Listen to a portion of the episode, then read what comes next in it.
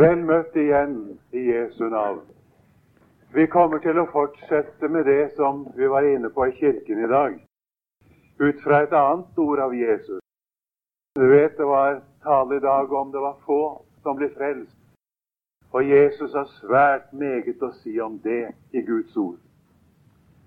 Vi skal lese i dag lignelsen i Matteus 22, lignelsen om kongesønnens bryllup.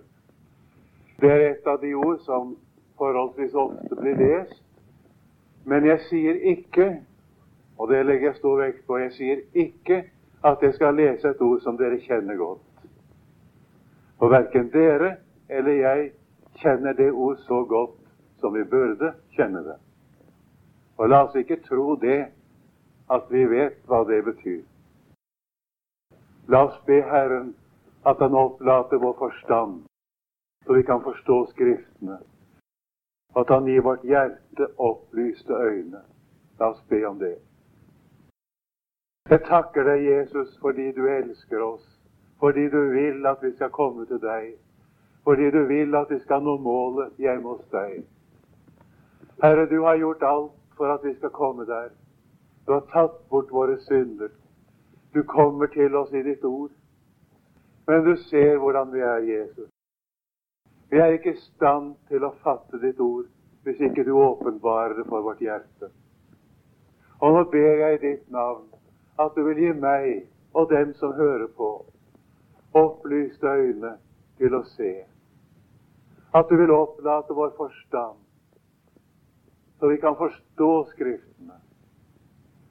At vi kan forstå det med vårt hjerte, Jesus. Ta det til oss.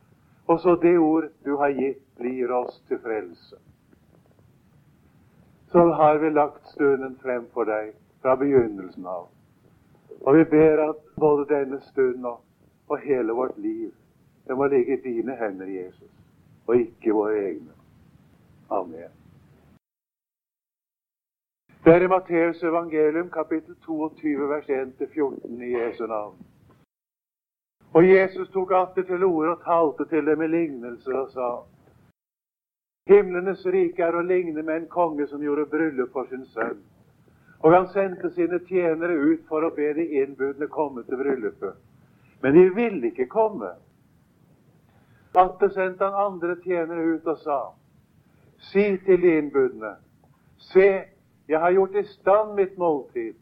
Mine okser og mitt gjøfe er slaktet, og alt er ferdig. Kom til bryllupet. Men de brydde seg ikke om det og gikk sin vei. Den ene til sin aker, den annen til sitt kjøpmannskap. Og de andre tok fast hans tjenere, hånte dem og slo dem i hjel. Men kongen ble harm og sendte sine krigsherrer ut og drepte disse manndrapere og satte ild på deres by. Deretter sier han til sine tjenere, bryllupet er vel ferdig, men de innbudne var ikke verd. Gå derfor ut på veiskjellene og be til bryllup så mange i kvinner. Så gikk da disse tjenere ut og fikk sammen alle dem de fant, både onde og gode.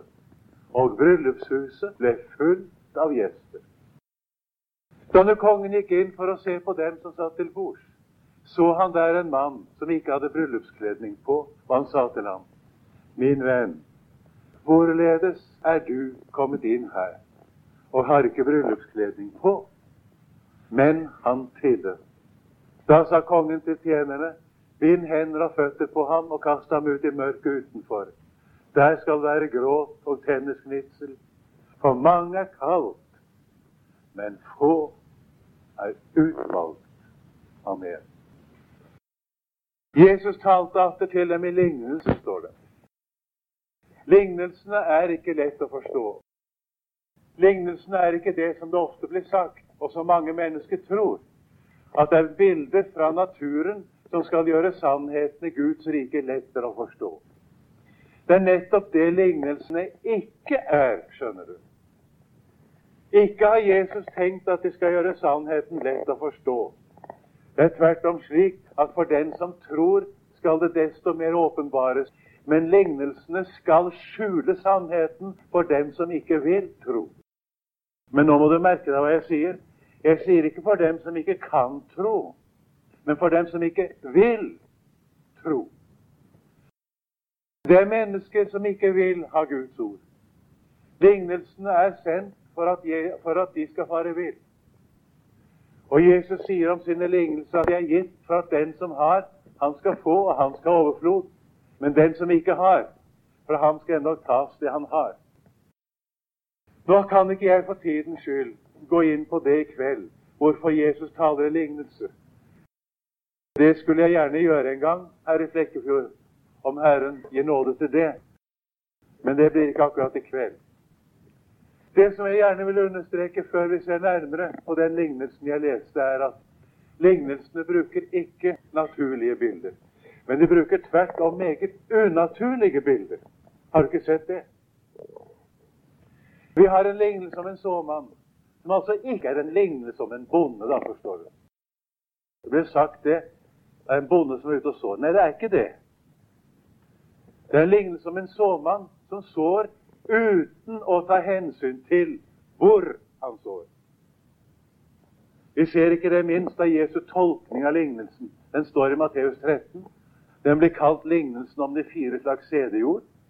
Vi kunne like gjerne meget heller kalle den lignelsen om Guds ord, og om Guds ords skjebne i menneskehjertet. For det er det den er. En lignelse om Guds ord. Og Jesus sier at sæden er Guds ord. Og det er å ligne med en såmann som går ut for å så, og som ikke bryr seg om hvor han sår.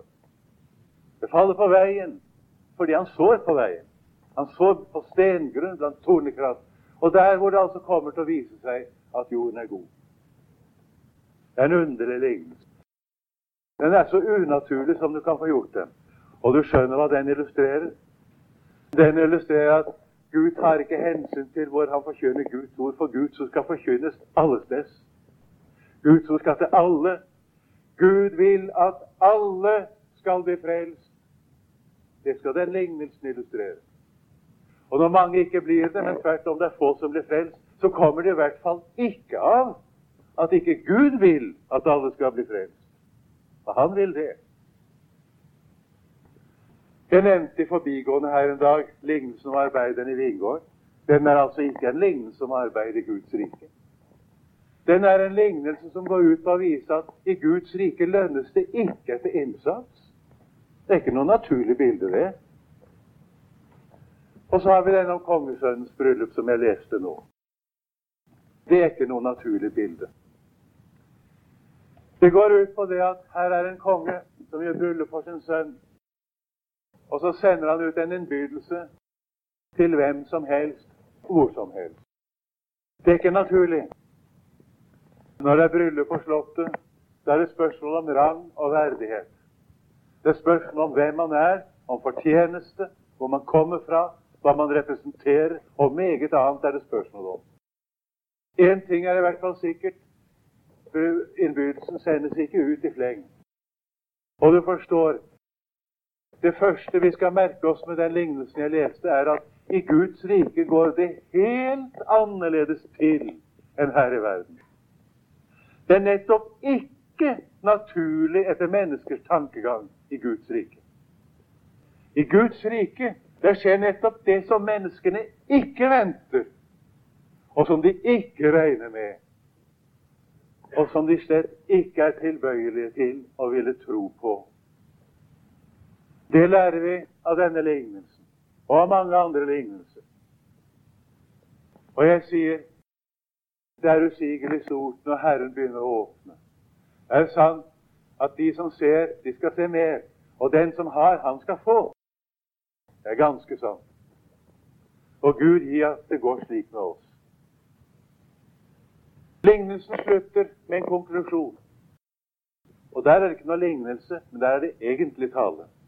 Mange er kalt, men få er utvalgt. Hva betyr det? Få er utvalgt. Det ordet blir meget misforstått. Det betyr ikke at det bare er noen få mennesker som på forhånd er utvalgt til frelse. Det betyr det ikke. Og det betyr på ingen måte at noen er utvalgt til fortapelse. Det er ingen utvelgelse til fortapelse i Guds ord for mennesker. Du kan lese i Matteus 25 at Jesus sier at den evige ild er beredt for djevelen og for hans engler. Den er egentlig ikke beredt for mennesker. Når mennesket kommer der, er det en ganske spesiell grunn. Men det er ikke fordi Gud har forutbestemt dem til å komme der. Og det er ikke fordi de ikke skulle være utvalgt til frelse. Det skal vi få se. Men la oss nå gå til lignelsen først og se litt nærmere på den. Så kommer vi helt naturlig tilbake igjen til denne konklusjonen til slutt. Det første og grunnleggende som denne lignelsen legger frem for oss, er at i Guds rike der skjer alt av nåde. Ingenting er av fortjeneste.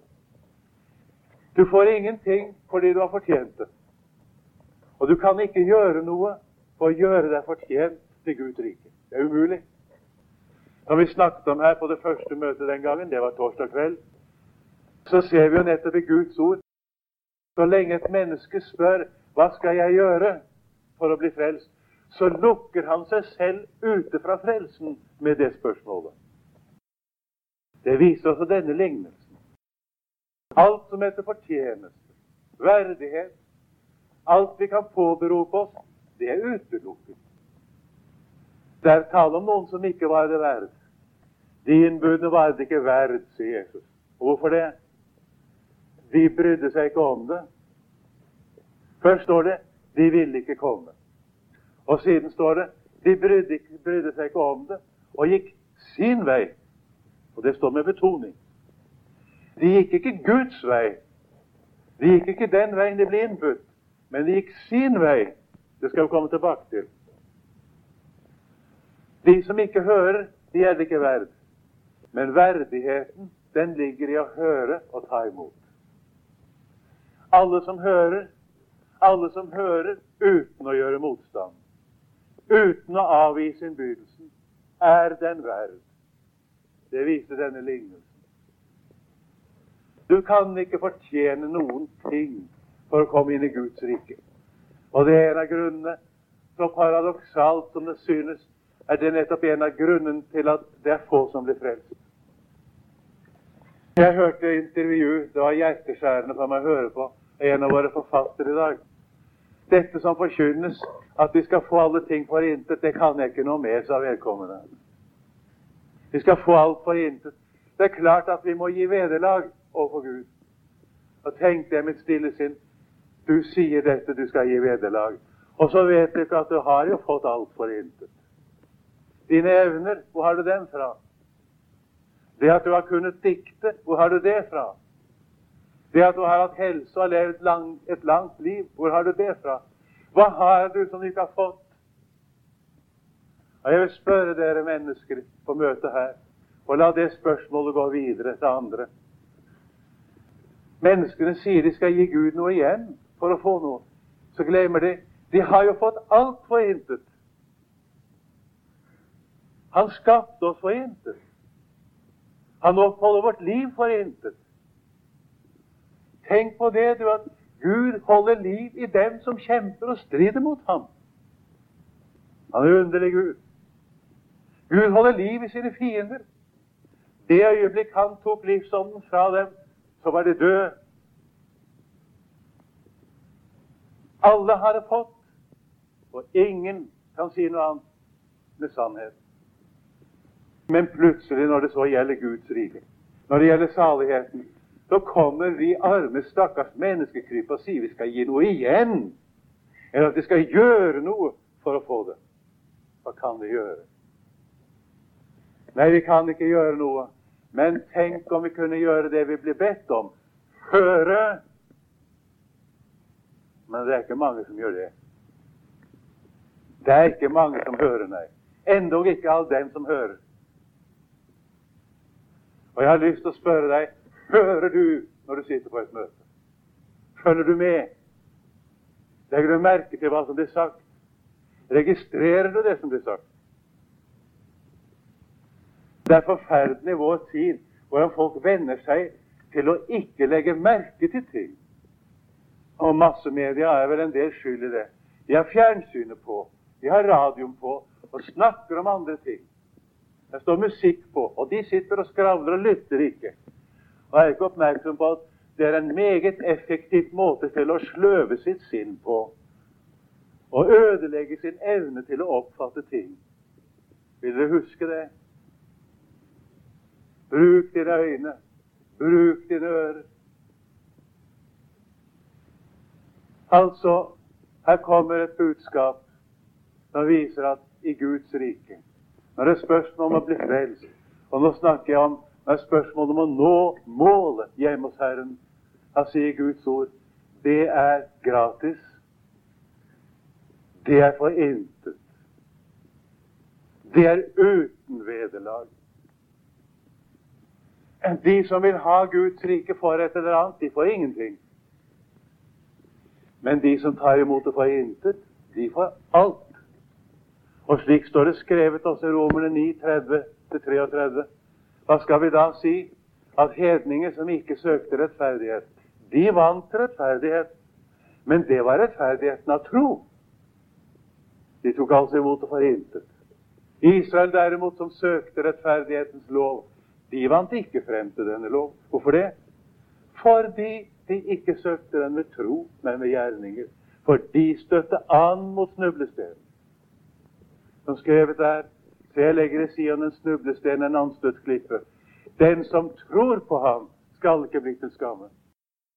Snublesten det er det samme som hjørnesten. Husene sto på fire hjørnestener som stakk utenfor på hvert hjørne. Vil man gå forbi huset, kunne man snuble på dem. Derfor kaltes de snublestener. Men huset sto trygt oppå. Den som tror på ham, skal ikke bli til skamme. Men den som prøver å komme Jesus forbi, snubler på ham og går fortapt. Det var det første.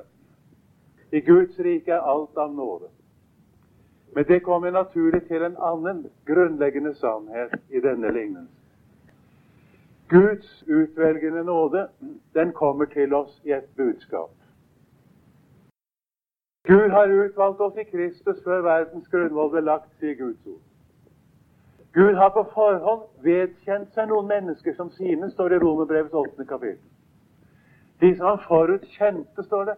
Det ordet betyr på gresk egentlig de som Gud på forhånd har vedkjent seg som sine. Hvem er det? For å svare kort det er de som kommer til å ta imot ordet om Jesus. det. Uansett hvem de er. Da jeg var oppe til embetseksamen på Menighetsfakultetet, hadde vi det til skriftlig oppgave i Nytestamentet, bibeltolkning. Nytestamentet ekseges, som de sier, fra Romerne 8. Den eksamen den varer jo ti timer. Vi skriver i ti timer. Og jeg satt og skrev i ti timer om denne utvelgelsen. En av de mest oppbyggelige dager jeg har hatt i mitt liv. Det var en rene salighet. Han fikk tid til å se på dette, hva det betyr at dem han forutkjente. Og som det heter i Efeserbrevets første kapittel Gud utvalgte oss i Kristus før verdens grunnhold ble. Og han utvalgte oss til barnekår hos seg. Og Gud bestemte på forhånd jeg sender min sønn til frelse. Jeg sender ut et budskap i verden. Alle som hører, er frelst. Det er forutbestemmelsen. Det er utvelgelsen. Denne utvelgelse den kommer til oss i et budskap. Alle som hører dette budskap, de er kalt etter den språkbruken vi har her i vers 14. Mange er kalt. Guds ord skal som sagt ut til alle mennesker. Og hele mitt livs virke har gått ut på å være med og bringe dette Guds ord til alle mennesker. En av de største gleder jeg noen gang har opplevd, var av en av våre tilsynsmenn fra Misjonsmarken det var forresten Lindtjørn, han som nå er styrer og rektor på Fjellhaug. Han sa til meg det er ingen som preker så meget på misjonsmarken som du. Han sa det for å oppmuntre meg. Jeg må si jeg måtte takke Gud. Jeg har fått lov å, være, lære å undervise misjonærer. Vi har nå det 14. kull på misjonsskolen. Og fra og med det sjette kull har jeg fått lov å være med og undervise dem. En stor nåde fra Herren. Hele mitt liv har gått ut på å bringe Guds ord ut, både her i landet og utenom landet. Det er Guds ord som skal ut, og nå må du høre. Når du sitter på benken der, og med din legemlige hørsel De ørene du har utenpå deg, altså, du, altså din legemlige hørsel, hører Guds ord, da er du gjenstand for Guds utvelgende nåde inni ditt hjerte. Har du tenkt på det? Alle som hører Guds ord, og det gjelder også alle som leser i Bibelen og mottar det gjennom sine øyne. Men hørselen er det viktigste. For vi forstår ikke riktig Guds ord før vi hører det. Så begynner vi å forstå mer også når vi leser det. Det står ikke for ingenting at troen kommer av forkynnelsen, og forkynnelsen med Kristi ord. Det er en stor hemmelighet med dette Guds ord om Jesus.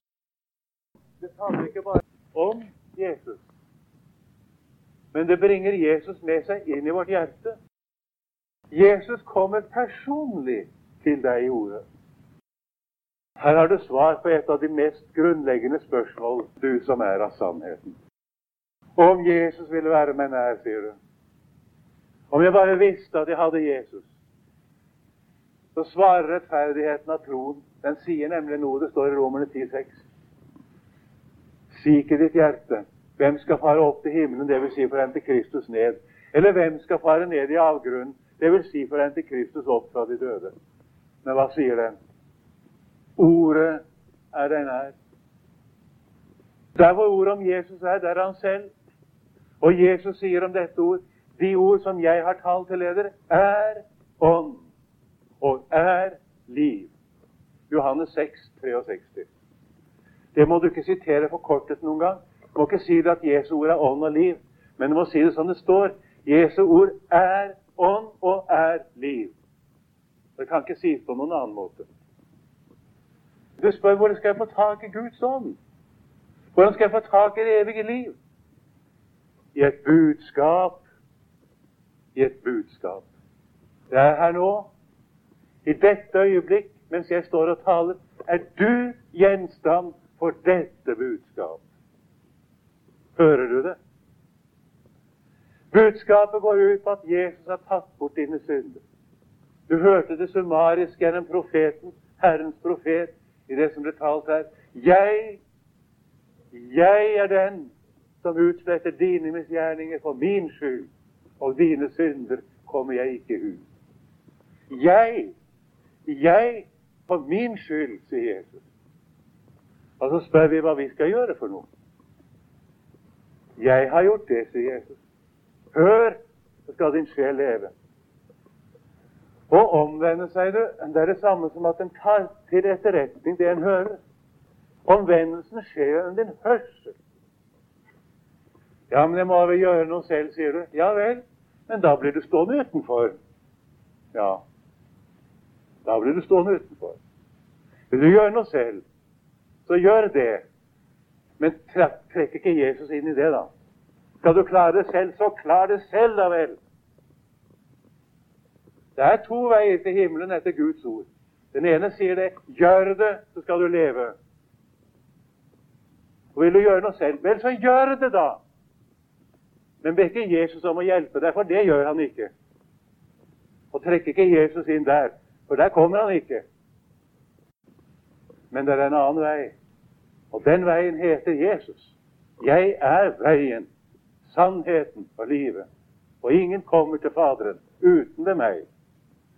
Og så sier han det. Hør! Hør, så skal det skje leve.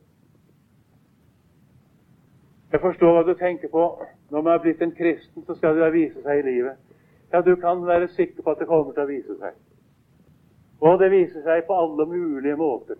Har et menneske hørt seg til frelse, så er han splitter ny fra innerst til ytterst. For du blir født på ny gjennom det. Og det nye liv, det fornyes i oss. Og det merker du når du sitter og hører det. Nå begynner det å levne til igjen nå. Du som har vært så tørr lenge, nå begynner det så smått igjen. Gjør ikke det? Jo da. Hør, så skal det sjel leve. Guds utvelgende nåde kommer gjennom et budskap. Og hemmeligheten er den alle som hører uten å avvise det, uten å unndra seg, som det heter i Hebreerne 10, uten å gå på akkord, uten å fuske på noen måte. Men de hører. de blir frelst. De er utvalgt. Der tar Guds ord effekt på hjertet. Det øyeblikk mitt hjerte er rettet på Jesus, da er jeg utvalgt. Det er ikke bare kalt. Det har jeg altså ikke bare hørt. Men gjennom det jeg har hørt, er Guds utvelgende nåde kommet inn i mitt hjerte, og jeg er frelst. Og så sant jeg blir værende der hos Jesus, så når jeg målet. Hva kommer det da av at mange er kalt, og få er utvalgt? Og så er vi ved spørsmålet igjen. Hva kommer det av at det er få som blir frelst? Og det svarer også denne lignelsen på. Nå kommer jeg tilbake til det igjen, som jeg sa jeg skulle komme tilbake til fra begynnelsen. Når innbydelsen lyder Ja, la meg først si Når det er mange som ikke blir frelst, altså det er få som blir frelst, eller få som blir utvalgt, så kommer det ikke av vår syn. La det være klart. Det kommer ikke av at du har gjort så meget galt, eller at det ennå, som vi ble minnet om i åpningen her, at det ennå klever synd ved deg hele tiden i ditt gamle menneske. Kommer ikke av det. Heller ikke kommer det av at ikke du har gjort nok, at du har kommet til kort. Nei, Jesus peker på to ting. Det ene det ligger i arbeidslivet og familielivet. Det er det ene. De brydde seg ikke om det, og de gikk sin vei, som jeg sa. Hvor gikk den veien hen? Den ene til sin aker, den andre til sitt kjøpmannskap. Og hvis vi sammenligner med en lignelse, nemlig lignelsen om den store nadvær i Lukas 14, så hører vi at en sier du får ha meg unnskyldt, for jeg skal gifte meg. Altså her er det arbeidslivet og familielivet. Og begge deler har jo Gud innstiftet. Arbeidslivet er ikke synd. Tvert om. Det er synd å ikke arbeide. Familielivet er ikke synd. Det er den mest guddommelige institusjonen i menneskelivet. Det er ekteskapet. Av, vår, av det som Gud har innstiftet av de jordiske ting. Det er så visst ikke synd. Men det som Gud har gitt og innstiftet, det blir den ene store årsak til at få blir utvalgt. Mange er kalt, men få er utvalgt. Passer ikke det? Hvorfor hører ikke menneskene Guds ord? De er så opptatt. De er opptatt i sitt arbeid, og de er opptatt i sine hjem. Jeg behøver ikke si mer, du skjønner dette så inderlig vel. Du får ha meg unnskyldt. Du hører det ofte, det. Ja, jeg skal ut. Min gjerning er dessverre slik at jeg kan ikke komme på møtekveld. Det er veldig lett å si det, men det er meget sjelden det er sant. Jeg tror aldri det er sant. Jeg tror at de som vil høre, de kommer. Jeg kjenner folk jeg som har det travelt. De forskjønner ikke et møte. Ikke et møte. Så sant det er mulig for dem å komme der, så er de der. Og de har mer å gjøre enn andre jeg kjenner. Nei, det er ikke der det stikker. Men det er så veldig lett å ta til. Og det høres så riktig ut. Ja, men jeg kan ikke i kveld. Jeg er opptatt. Vel, vel. De fleste er så opptatt i arbeidsliv og familieliv at de går fortapt. Det er sannheten. De blir stående utenfor den dagen som vi hørte om i kirken i dag, da husbonden har reist seg og lukket døren. Og så begynner de å si 'Herre, lukk opp for oss'. Men da er det for sent. De vil ikke høre. Det er sannheten. De brydde seg ikke om det. De gikk sin vei. De gikk ikke der hvor Herren er. Herren er der hvor Hans ord forkynnes. Overalt hvor jeg lar mitt navn komme i hu, der er jeg selv til stede, sier Herren, for å velsigne. Der kommer de ikke. Det er ikke tid. Nei vel, det er ikke noe råd med det. Har de ikke tid, så er det bare én vei, og det er helvete. Nå sier jeg det litt drastisk, men det er sant. Tenk å ikke ha tid til å bli frelst. Den ene grunnen. Den andre, det er han som ikke har bryllupskledning. Blant dem som tok imot innbydelsen. Og nå er det tale om Guds rike her i tiden. Der, skjønner du, Det er det det er bildet på. Det kommer ingen inn i himmelen med noen misforståelser. For der kommer ingen inn som ikke har sitt navn i livets bok. Men når kongen så på dem som satt til bords, altså når Jesus ser utover dem som har tatt imot innbydelsen, Så ser han den som ikke har bryllupskledning på. Og så spør han, og det er et talende spørsmål Min venn, hvorledes er du kommet inn her? Da har du ikke bryllupskledning på. Hører du spørsmålet? Min venn, hvorledes går det til at du bekjenner deg som en kristen? Det ser ut som du har overvunnet de vanskelighetene som holder de fleste borte fra arbeidsliv og familieliv. Du har altså bestemt deg for å bli en kristen. Min venn, hvorledes går det til at du bekjenner deg som en kristen? På hvilket grunnlag bekjenner du deg som en kristen? Hører du spørsmålet? Nå gjelder det deg. Du bekjenner deg som en kristen. Og jeg spør deg på hvilket grunnlag?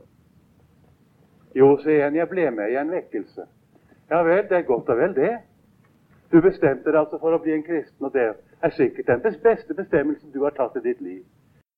Men det må jeg si deg, at hvis du tror du er en kristen fordi du har bestemt deg for å være det, så beviser det bare at du ikke er det. Det er sikkert nok. Noen har kamerater og venninner som er blitt kristne, og så blir de med selv òg. Og så begynner de å ferdes sammen med de kristne. Så blir de med i et musikklag f.eks., eller en forening, eller hva det nå kan være. Så blir de noe med. Så glir de med, så bekjenner de seg som kristne. Så kommer spørsmålet Min venn, hvorledes er du kommet inn her? På hvilket grunnlag er du i de helliges forsamling? Han tidde, står det. Men han tidde. Så ser jeg godt og vel at du bestemmer deg for å bli en kristen. Men legg merke til hva Guds ord sier om dem som virkelig har tatt imot Jesus. De er født ikke av kjødsvilje, ikke av manns vilje. De er ikke født av kjød og blod, ikke av mennesker, men av Gud, står det. Det står tre uttrykk om hva de ikke er født av, før det står de er født av Gud. Om jeg har bestemt meg for å bli en kristen, så er det av mannens vilje, det. Og det står i Romerbrevets 9. kapittel, står i vers 8, ikke kjødets barn er Guds barn. Om jeg forandrer meg forandret på det gamle mennesket. Jeg er ikke blitt en kristen med det. Om jeg begynner å ferdes blant de kristne, og det er godt og vel at en gjør det, altså. Og det skal du ikke angre på. Men du blir ikke en kristen av det. Og Jeg pleier å bruke en illustrasjon her, og jeg har oppdaget at det er bedre folk enn meg som har brukt den samme illustrasjonen. Om en ape du blir dressert til å oppføre seg som et menneske, blir den et menneske ved å oppføre seg som et menneske Jeg var på et sirkus i Oslo. Og aper de var kledd i snippkjole. De satt på stol ved et bord og spiste med kniv og gaffel. De oppførte seg som mennesker. Så spør jeg blir apen menneske og oppfører seg som menneske. Det er et fullstendig overflødig spørsmål. Apen er meget mer sympatisk når han oppfører seg som ape. Du, om et menneske begynner å oppføre seg som en kristen, blir han en kristen med det? Nei. Der har du den andre grunnen. Mange mennesker gjør en ny begynnelse på en måte. Begynner å oppføre seg som kristne, men de er ikke født av Gud. De har ikke bryllupskledningen. De har aldri gått konkurs. De har aldri mottatt frelsen. De har aldri mottatt Jesus. Én ting er å bestemme seg for å bli en kristen. Noe helt annet er å motta Jesus. Og nå spør jeg deg har du tatt imot Jesus. Setter du din lit til ham? Ja, hvordan går det til, da, spør du. Og Det spørsmålet det liker jeg Men for det. Da begynner det å bli alvor, og da begynner det å bli mening i det. Jeg får ikke til å ta imot Jesus, jeg sier noen til meg. Jeg må si Det spørsmålet det liker jeg altså når de sier det. For da får vi Guds svar. Og nå skal du høre. Det står her, det. Alle dem som tok imot ham, dem ga han rett til å bli Guds barn. Ordet rett er det samme som ordet fullmakt. De har fått en guddommelig fullmakt til å bli Guds barn. Altså, de har fått retten som egentlig tilkommer en annen. Så det er det som er fullmakt. Jeg får lov å bruke det som en annen har rett til. Og i dette tilfellet jeg får det som Guds sønn har rett til. Altså alle dem som tok imot ham, dem ga han rett til å bli Guds barn. De som tror på hans navn. Hører du det? Å ta imot Jesus og begynne å stole på Jesu navn, det er en og samme ting, det. I det øyeblikk du begynner å stole på det du hører, tar du imot Jesus. I det øyeblikk det går opp at du kan ikke gjøre noe som helst. Du hører og sier takk, Jesus. Du har frelst meg. Det er nok for meg. Jeg stoler på deg. Da er ikke du kjødets barn.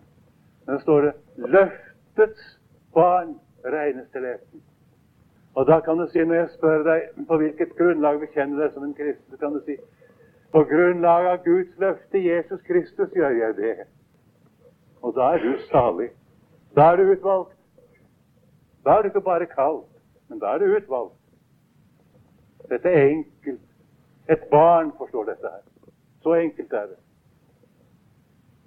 Og nå vet du hva Jesus har å si oss. Og nå vet du hvem som blir frelst. Altså, når mange er kalt, men få utvalgt, så har det to årsaker.